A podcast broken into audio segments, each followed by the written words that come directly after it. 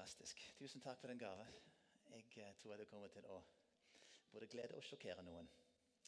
Um, jeg fikk ikke presentere meg sjøl uh, siste gang jeg var der oppe. Jeg heter altså Steve Bruns. Uh, født i Japan, vokste opp i Amerika. Blitt nordmann for 30 år siden. Anne Kristin. Fire små barn. Uh, jobber her i min både i pastortime og med Agenda 1 menighetsnettverk. Så jeg trives veldig godt med det jeg gjør. Og så er det godt å kunne få undervise i dag. Det er lenge siden sist jeg har stått her på en søndag. og kjenner jeg, eh, jeg har masse som jeg brenner innenfor. Så jeg skal prøve å beherske meg selv i dag. Det er slik med meg at jeg har alltid snakket fort. Det har alltid vært for lite tid til å få alt jeg vil gjøre i livet. Og det blir fort at jeg snakker litt for kjapt. Jeg forstår spesielt med dere som ikke kan stavangerdialekt. Hvis du hører at jeg snakker like bråkent stavangersk og går litt for fort, og du ikke forstår hva jeg sier, så får du lov til å si Ok? Da skal jeg se på deg, og da skal jeg prøve å roe meg ned, så jeg snakker rolig og tidlig. Bra. Som Elling sa, så er vi uh, i en serie nå med fokus på dette å være ønsket. Vi har hørt uh, nå to søndager på rad uh, om det å være ønsket av Gud. Om det å være ønsket av mennesker, og hva betydning det har for oss. Jeg har lyst til å bare spørre dere først før vi kommer i gang. Hva betyr det for deg å oppleve at du er ønsket?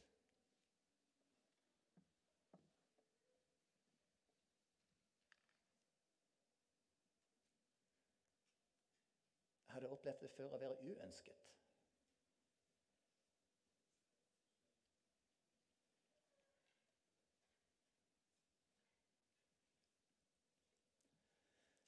Og så et spørsmål til. Hvis jeg har lyst til å følge meg, meg ønsket, hva skal jeg gjøre?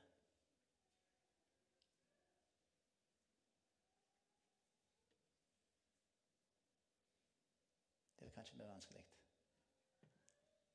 I dag skal vi se på sammenhengen mellom det å sjøl være ønsket, og det å være den som gjør at andre føler seg ønsket.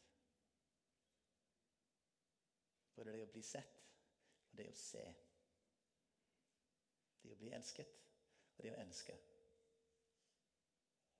Hvordan henger de sammen? Det er veldig mye liv bak meg her i monitor nå. Det kan ikke være det som eh, skaper problem. Veldig spisst liv der.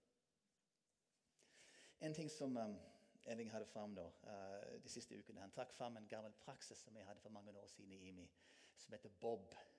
Kan dere det? Tre ord. BOB for blikk, ord og berøring. Og Det er en enkel liten sak som kan hjelpe oss trauste uh, nordmenn til å vise litt interesse for andre mennesker. Uh, vet, så, når man kommer fra USA uh, og møter for mange kulturer, så vil ofte folk oppleve det at nordmenn kan være litt reservert. Det like lett å komme i kontakt med med en gang. Og eh, For å liksom trene oss opp i det og bli litt flinkere til det og ta imot folk, så har vi disse tre tingene stikkord. Altså blikk, ord, berøring. Se noen i øynene, eh, gjerne del noen vennlige ord. Og så en eller annen form for passelig berøring. Hvis Vi skal en håndtrykk eller en klem eller en klapp på kinnet. hva det måtte være. Det var det. Før vi går videre, vi reiser oss opp da, og finner en person i nærheten og gir dem en bob.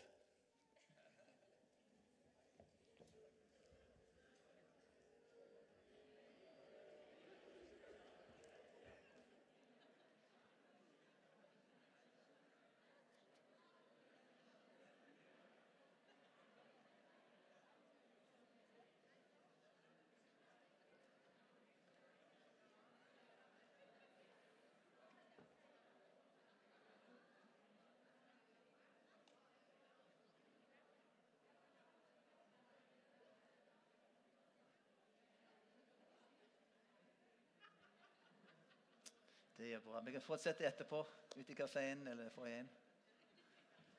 Så jeg bare slipper dem løs. Tar det ikke slutt. Så flott. Det er veldig godt å være ønsket. ikke sant? Det må alle si. Det er godt å oppleve at vi er ønsket, enten det skal gjelde Gud eller andre mennesker. Men det som er interessant å se, er at det å være ønsket i seg sjøl av andre, betyr ikke at jeg opplever meg ønsket. Du skal bytte mikk. Er det problemet? Sett en hånd rundt mikk.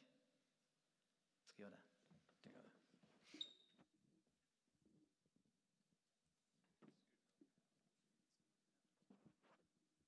Testing one, two. Er det mer behagelig, det? Nå kan dere sove. En god, behagelig lyd her. Ja, ok. det jeg prøvde å si her, er at det å faktisk være ønsket av andre eller av Gud, det betyr ikke nødvendigvis at vi opplever at vi er ønsket. Det er bare den første biten av det. Det trenger ikke nødvendigvis ha konsekvens for våre liv at andre ønsker oss. Det er mange barn i dag som egentlig ønsker, men opplever seg ikke sett. Men hva skal, hva skal skje for at det skal ha betydning for livet vårt? Jeg tror at det å være ønsket trenger et gjensvar. Det holder ikke å bare være ønsket. Vi må gi gjensvar. Vi må respondere på det. Tenk på det. Ikke det slik at her i livet, når vi er opptatt av å få noe, opptatt av oss sjøl og våre behov, så blir vi aldri helt tilfreds. Ikke det slik at når vi opplever at vi kan ha betydning for andre mennesker, at vi får en, en, en mening med livet. Sant? Altså Bare det å få hele tida, få våre behov dekket, oppleve seg elsket og ønsket og sett Hvis det er fokuset, så får vi aldri nok.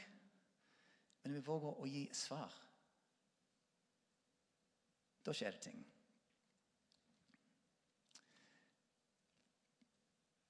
Hva sier Bibelen om dette her? Ordspråkene 11.25 i den forrige oversettelsen står det Den som sprer velsignelse, trives godt. Den som kvikker opp andre, blir oppkvikket selv. Ser vi sammenhengen? Jesus sa 'Salige er de barmhjertige for de skal få barmhjertighet. Så sa han, gi, så skal dere få. Sammenheng. Vi nettopp hørte før dåp eh, disse fantastiske ord fra Johannes 3, 16. For så høyt elsket Gud verden at han gav sin sønn den enbårne. For at hver den som tror på ham, ikke skal gå fortapt, men har evig liv. Vi er ønsket av Gud. Vi er skapt av Gud. Vi er elsket av Gud. Disse versene er så tydelige at Gud elsket verden. Derfor handlet han. Han sendte sin sønn. Vi vet at det gjelder alle. Det står bl.a. i um, 1. Timoteis 2,4 om Gud at han som vil at alle mennesker skal bli frelst og lære sannheten å kjenne. Alle som tok imot ham, den får en rett til å være Guds barn. At, altså Guds vilje er at alle sine skapninger skal få oppleve at de er elsket av han, ønsket av han. I Lukasevangeliet så er det et bilde um, av himmelen som et gjestebud, der alle er invitert. Jeg skal lese det fra Lukas kapittel 14, nå, vers uh, 16. Det var en mann som ville holde et stort gjestebud, og han innbød mange. Da tiden for gjestebudet kom, sendte han tjeneren sin av sted for å si til de innbudte.: Kom, for nå er alt ferdig. Men de begynte å unnskylde seg, den etter etter den andre.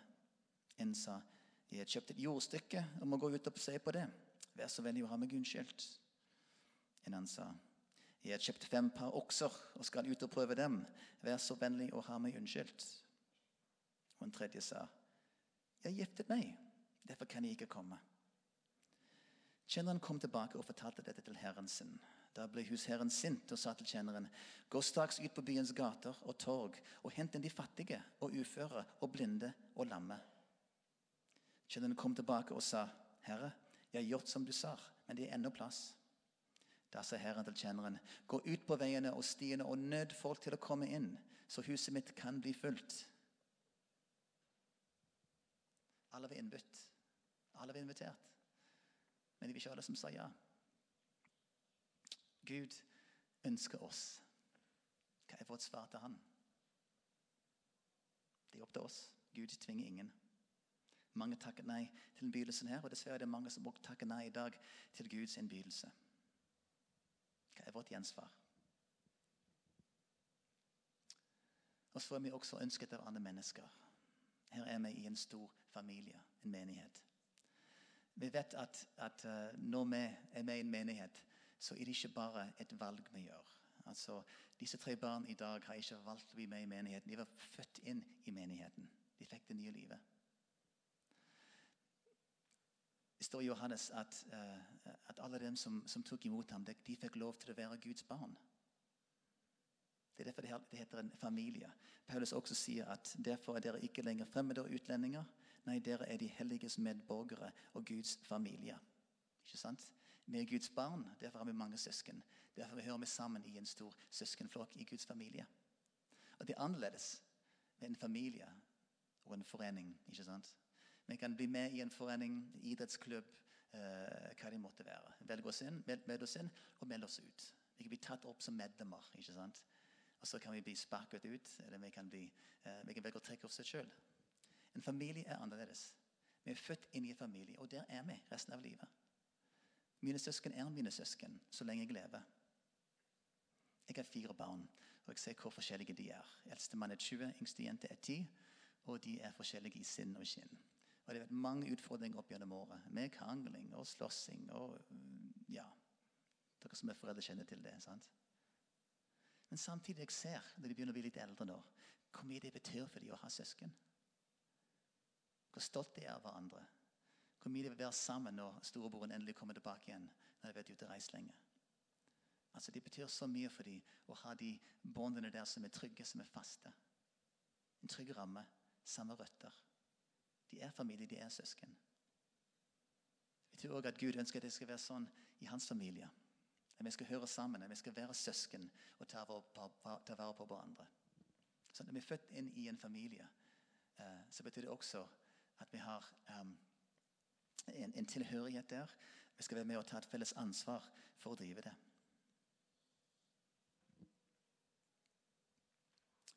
Da jeg kom til Norge, så var jeg ikke kristen. Eh, jeg hadde vokst opp i kristen sammenheng, men snudde ryggen til det. Men da jeg landet på Vassøy i 1981 eh, som trommeslager, eh, kom til Norge for å spille her, så var det en gjeng med kristne ungdom som også hadde litt musikkgruppe. Og Vi fikk kontakt med en gang. De ville, at, de ville at jeg skulle være med og spille med dem. Men de ville mer enn det. Jeg skjønte fort at her var det et, et veldig godt, tett fellesskap. En sånn familieopplevelse med disse ungdom. Og jeg fikk lov til å være med i det. De inkluderte meg i deres fellesskap, selv om jeg ikke trodde på det samme som de trodde på. Selv om jeg ikke snakket det samme språket engang. Jeg ble en del av den gjengen der. Og Det var helt klart eh, kanskje det viktigste årsaken til at jeg valgte å komme tilbake til Jesus. Jeg skjønte at de hadde noe her. Her så jeg denne nestekjærlighet eh, som vi snakker om i Bibelen. Derfor fikk jeg erfare hva et kristent fellesskap kan være på det beste. Det er jeg som utlending og fremmed ble inkludert som en av de. Det er klart, Først kom jeg inn i, fellesskapet, og så etter vel valgte å ta imot Jesus. Jeg For mange mennesker i dag også er det det, det vesentligste. De er ikke så opptatt av å høre hva vi tror på, men de ser etter varme og blir inkludert og bli ønsket. Og blir en del av noe større enn seg sjøl. Hvordan er det her i menigheten?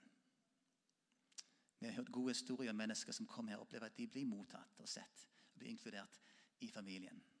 Men dessverre er det også andre som ikke blir det. Som kommer her og ikke blir sett. Det er klart det å være en stor menighet er en utfordring. For det er lett å komme på en gudstjeneste og snike deg ut igjen uten at noen egentlig ser deg. Sant? Gå inn på torget etter gudstjeneste på en søndag kan være fryktelig vanskelig hvis ikke du kjenner folk fra før. Sant? Hvem er det som ser meg nå? Hvor kan jeg høre til her? Vi som hører til her, har en oppgave å se de nye og følge med på hvem som kommer som vi ikke har hilst på før. Selv om det er kanskje lettest å, tenke på hvem vil jeg være sammen med, gamle venner, kjente, noen som jeg må avtale med. Um, men her har vi mulighet hele tida til å inkludere, inkludere, de nye. Men selv om um, vi er nye i menigheten her, uh, selv om vi ikke har mange kjente, så jeg tror veldig mye handler uh, om vår egen innstilling på om vi skal bli inkludert eller ikke. Vi ønsker det eller ikke. For Jeg kjenner mennesker som har gått her i mange år, som fortsatt opplever at de er på en måte gjester i eget hus. Mens andre mennesker som har kanskje vært her i veldig kort tid, har allerede gått over til å være en vert. Hva er forskjellen mellom gjest og vert?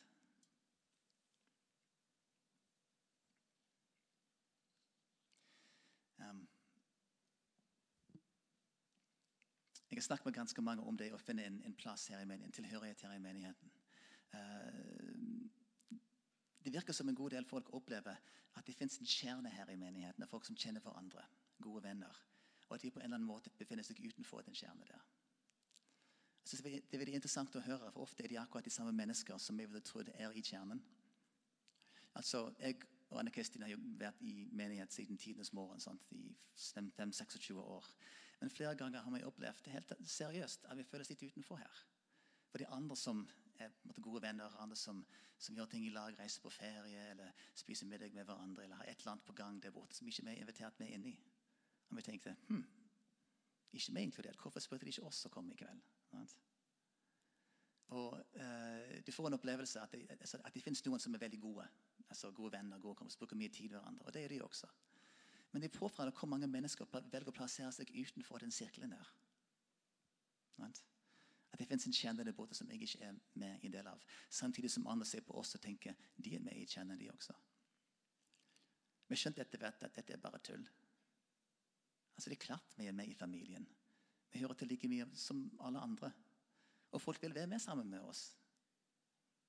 Poenget måtte være å snu tankegangen. til Istedenfor å, rote oss ned i disse negative følelser. At, sånn at ingen ser på meg, og ingen har tid til ingen, ingen vil invitere oss med våre travle barn. eller sånt i et eller annet som ligger der. Til å heller tenke hvem kan jeg invitere? Hvem kan vi inkludere i vår sirkel? Og For oss var det et, et bevisst skift. Vi tenkte vet du hva, vi, må, vi kan ikke tenke sånn. Vi må bare invitere folk bort til oss. Vi fikk kjøpe et hus for ti år siden som et, et under i seg selv. Et hus som var mye større enn vi hadde råd til. Um, Ei dame som ville selge hus til oss utenom budrunde. Så vi fikk kjøpt et hus uh, akkurat på maks av det vi hadde råd til. Som egentlig verdt mye mer. Vi fikk et stort, flott hus med mange soverom, storstue, hage, trampolin. alle disse tingene her. Og vi tenkte fra begynnelsen av vet du hva, Gud, dette huset vil vi ikke ha for oss sjøl. Dette vil vi dele med andre. Her vil vi ha et sted som kan være et åpent hjem, et åpent hus der folk kan komme inn og være til stede her. Og Da vi tok det valget der, så snudde veldig mange ting i vårt hode. Vi spurte ikke lenger hvem er det som kan invitere oss bort på lørdag kveld, men heller hvem er det som kan komme og henge sammen med oss. Våre unger har ganske mange venner. Vi gjør det tidlig hele veien. Vet du hva? Bare inviter dem hjem til oss. De har alltid en Grandiosi i fryseboksen eller chips i skapet. Eh, bare kom og heng her. Jeg kan se på TV. De kan bli med oss hvis vi er hjemme, men de gjør ingenting hvis ikke vi er hjemme heller. Vi har sett veldig mange som etter hvert liker å være hos oss bare fordi vi ønsker å ha folk der. Um, eh, vi har også invitert en del mennesker som har trengt å plass å bo for en stund. Kanskje de uh, sliter med ting i livet. Kanskje bare trenger behov for å komme et sted der de kan få en trygg familie. Og da sier ja, bare kom. Vær med oss en stund. Og det har betydd så mye for oss å kunne ha betydning for andre. Jeg tror at veldig mye av vår utfordring med å bli inkludert i en menighet i en større sammenheng handler om dette her. Eh, å se på seg sjøl som en del av en familie eller som en gjest som kommer utenfor. Hva vil det si å være vert? Hva vil det si å være gjest? Jeg bare spør deg nå, Når du kommer på Imi kirke, er det lettere for deg å tenke hvem er det som skal se meg i dag? Er det lettere å tenke hvem kan jeg hilse på i dag?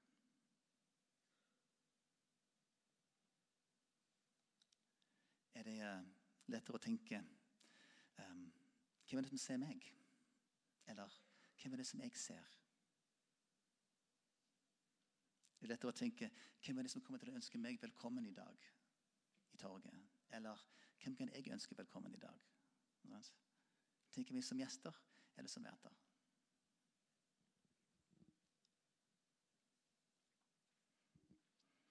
Fakta er at hver enkelt av dere som sitter her i dag, er ønsket velkommen i denne menigheten, i denne familien. Jeg ønsker dere velkomne. Mange andre ønsker dere velkommen. Selv om vi ikke alltid får vist det, så er det det som er grunnholdningen vår. Vi ønsker å inkludere så mange som mulig i det store, flotte familien vår. Hver gang noen nytt kommer inn, så, så, så, så blir det sterkere, blir det bedre, blir det mer mangfoldig. Så fakta er at du er ønsket her. Spørsmålet er hva gjør jeg med det? Dette med gjensvar. Gud ønsker oss. Hva svarer vi han? Menigheten ønsker deg. Hva svarer vi? For det er opp til deg. Uansett hvor ønsket du er her, så må du sjøl velge å ta imot invitasjon.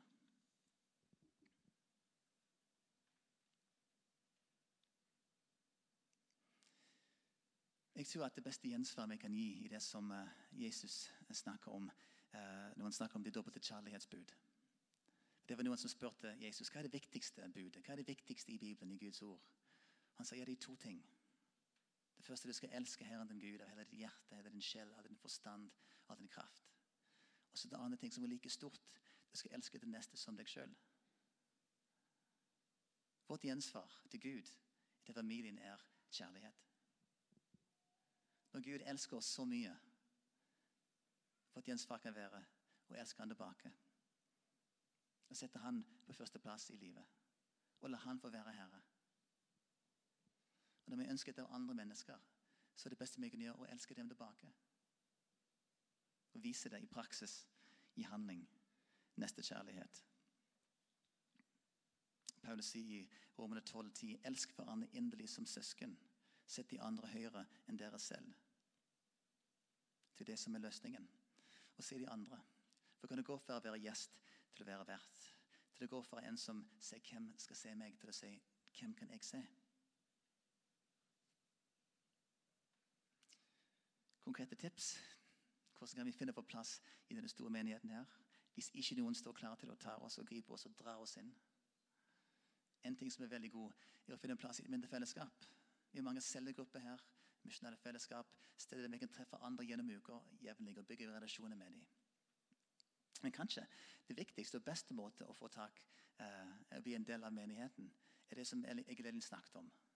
Å finne en tjeneste. Å finne en måte å bidra på. For når vi velger å investere vår tid og krefter et sted, så får vi helt annen tilhørighet, eierskap. Ikke bare en plass jeg kommer, men en plass jeg investerer i.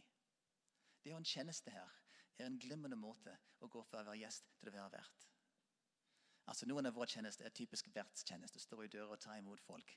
Um, og, og, jobbe med unger og se dem når de kommer på, på, på barnearbeidet. ikke sant? Du kan stå ute i kafeen og hilse på folk når de kommer. Men uh, for en del er de utfordrende. De syns det er vanskelig å snakke med fremmede. Da er det en haug med andre tjenester også som det går an å gjøre, som også er med å ønske velkommen. De som styrer lyd, tekster, lyset. De som tolker. De som stiller opp på forhånd og rigger til. Alle disse tingene her er en tjeneste for å kunne si du er velkommen, du er ønsket hos oss. Hvis du lurer på om du er gjest eller vert, så kan du være klar, du kan gå inn i tydelig vertskapsråd og si ok, jeg vil være med og bidra. Jeg vil ta tak i dette. Jeg vil være med og bygge en menighet der andre kan føle seg ønsket og velkommen. Jeg har også sett sagt om å se mennesker når vi kommer på Guds tjeneste her. Hvem kan jeg se i dag? Hvem kan jeg hilse på i dag som er ny?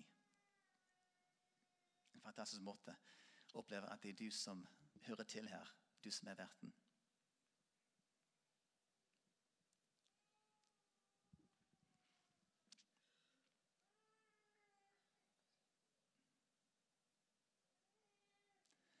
Um, jeg kjente, kjente når jeg jobber med dette temaet, her, så, så blir jeg veldig utfordret. For det er et eller annet i meg, et eller annet i vår kultur som på en måte strider imot alt denne her. Å se på andre og elske Gud. Altså Det som Jesus underviste, var egentlig en, en motkultur. Sant? Det som ligger i bånn av oss, er å egentlig til å være på oss sjøl. Og sørge for oss sjøl og våre nærmeste. Det var, det var sånn i Jesu dag, det er sånn i vår dag også. Og det naturlige er å tenke hvem er det som ser meg? Det er ikke ukristelig. Det, det, er bare sånn som det er. Som barna vi er født med denne instinktet og sørge for at vi kaver til oss og, og, får det vi trenger. Ikke sant? Jeg skriker at jeg skal se meg, mat meg, sant? elsk meg.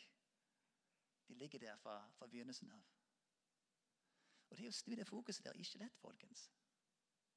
I vårt samfunn her i Norge i dag, verdens rikeste samfunn hvordan er det egentlig å være her? Er vi lykkelige av å krave til oss? Blir vi fornøyd og tilfreds med å samle til oss alle de tingene vi trenger? Så lenge vårt fokus er mer, så blir vi aldri fornøyd. En bedre jobb, mer inntekt, en flottere bil, ferie til mer spennende steder. Når er det nok? Når er bilen min bra nok? Kanskje et par-tre år til naboen må kjøpe en finere bil. Så snart du kommer hjem fra ferien, men så planlegger den neste ferien enda mer spennende, enda dyrere, enda lenger. Når det som er vårt fokus i livet, å få det godt for oss. Blir aldri helt fornøyde. Det med det. Det er alltid noe annet å strekke oss etter. Altså, Ny pers på sesselommi, eller eh, bedre tid på Nordsjørettet. Ta av noen kilo, bli litt sterkere. Sant? Blir vi fornøyd egentlig? Blir det aldri bra nok? Er det alltid noe mer vi kan strekke oss etter? Det er ikke galt å ha noe å strekke seg etter, for all del. Det er ikke galt å leve livet i bevegelse og ønske mer. Men hvis det er det som skal gi vår liv mening, så bommer vi totalt. Det er først når vi våger å si at det å ha betydning for andre mennesker, det å ha betydning for Gud, er så mye mer verdt. At vi kan snu det fokuset der. At vi kan være en motkultur.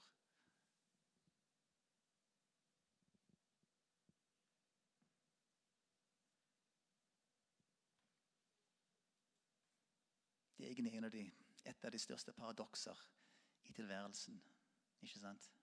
At til mer vi kaver til oss, til mindre vi blir egentlig fornøyd og tilfreds. Det er først når vi våger å sette andre foran oss sjøl. Om de er våre barn, ektefeller, venner, naboer, innvandrere, menighet. At vi opplever at ja, det er godt å leve. Det er viktig. Det betyr noe å leve dette livet her.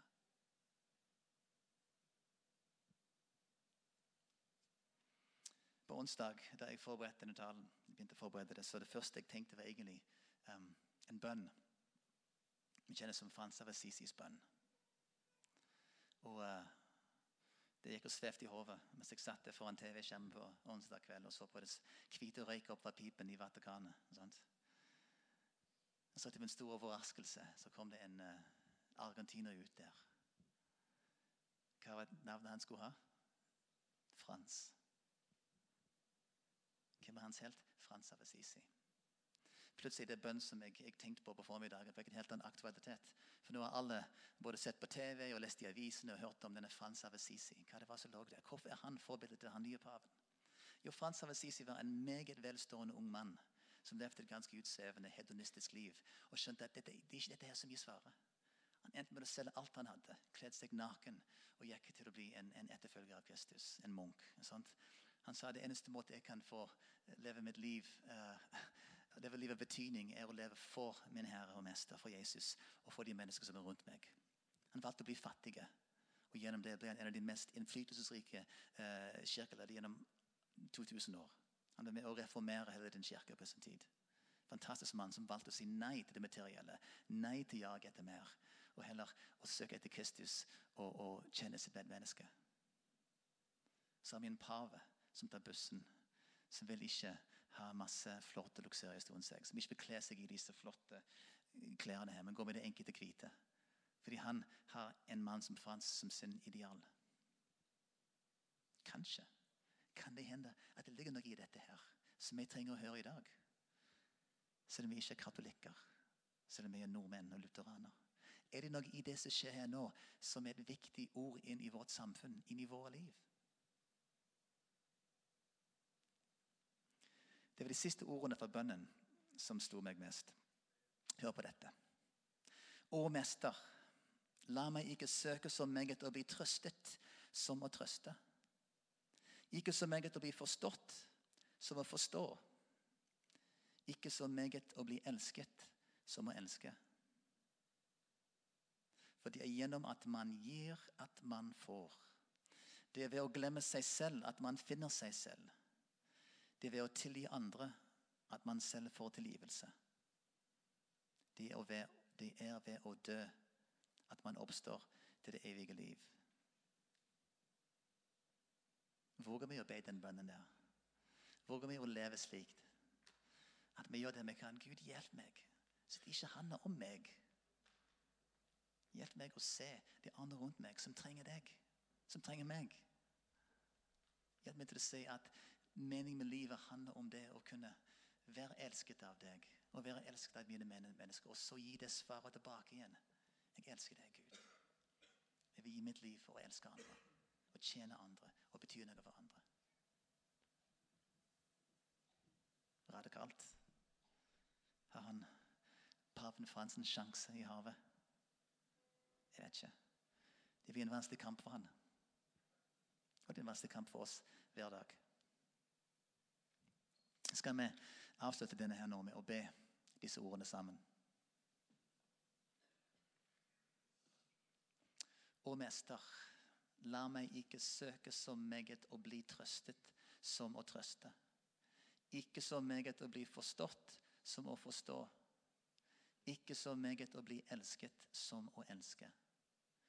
For det er gjennom at man gir, at man får. Det er ved å glemme seg selv at man finner seg selv. Det er ved å tilgi andre at man selv får tilgivelse. Det er ved å dø at man oppstår til det evige liv. Amen.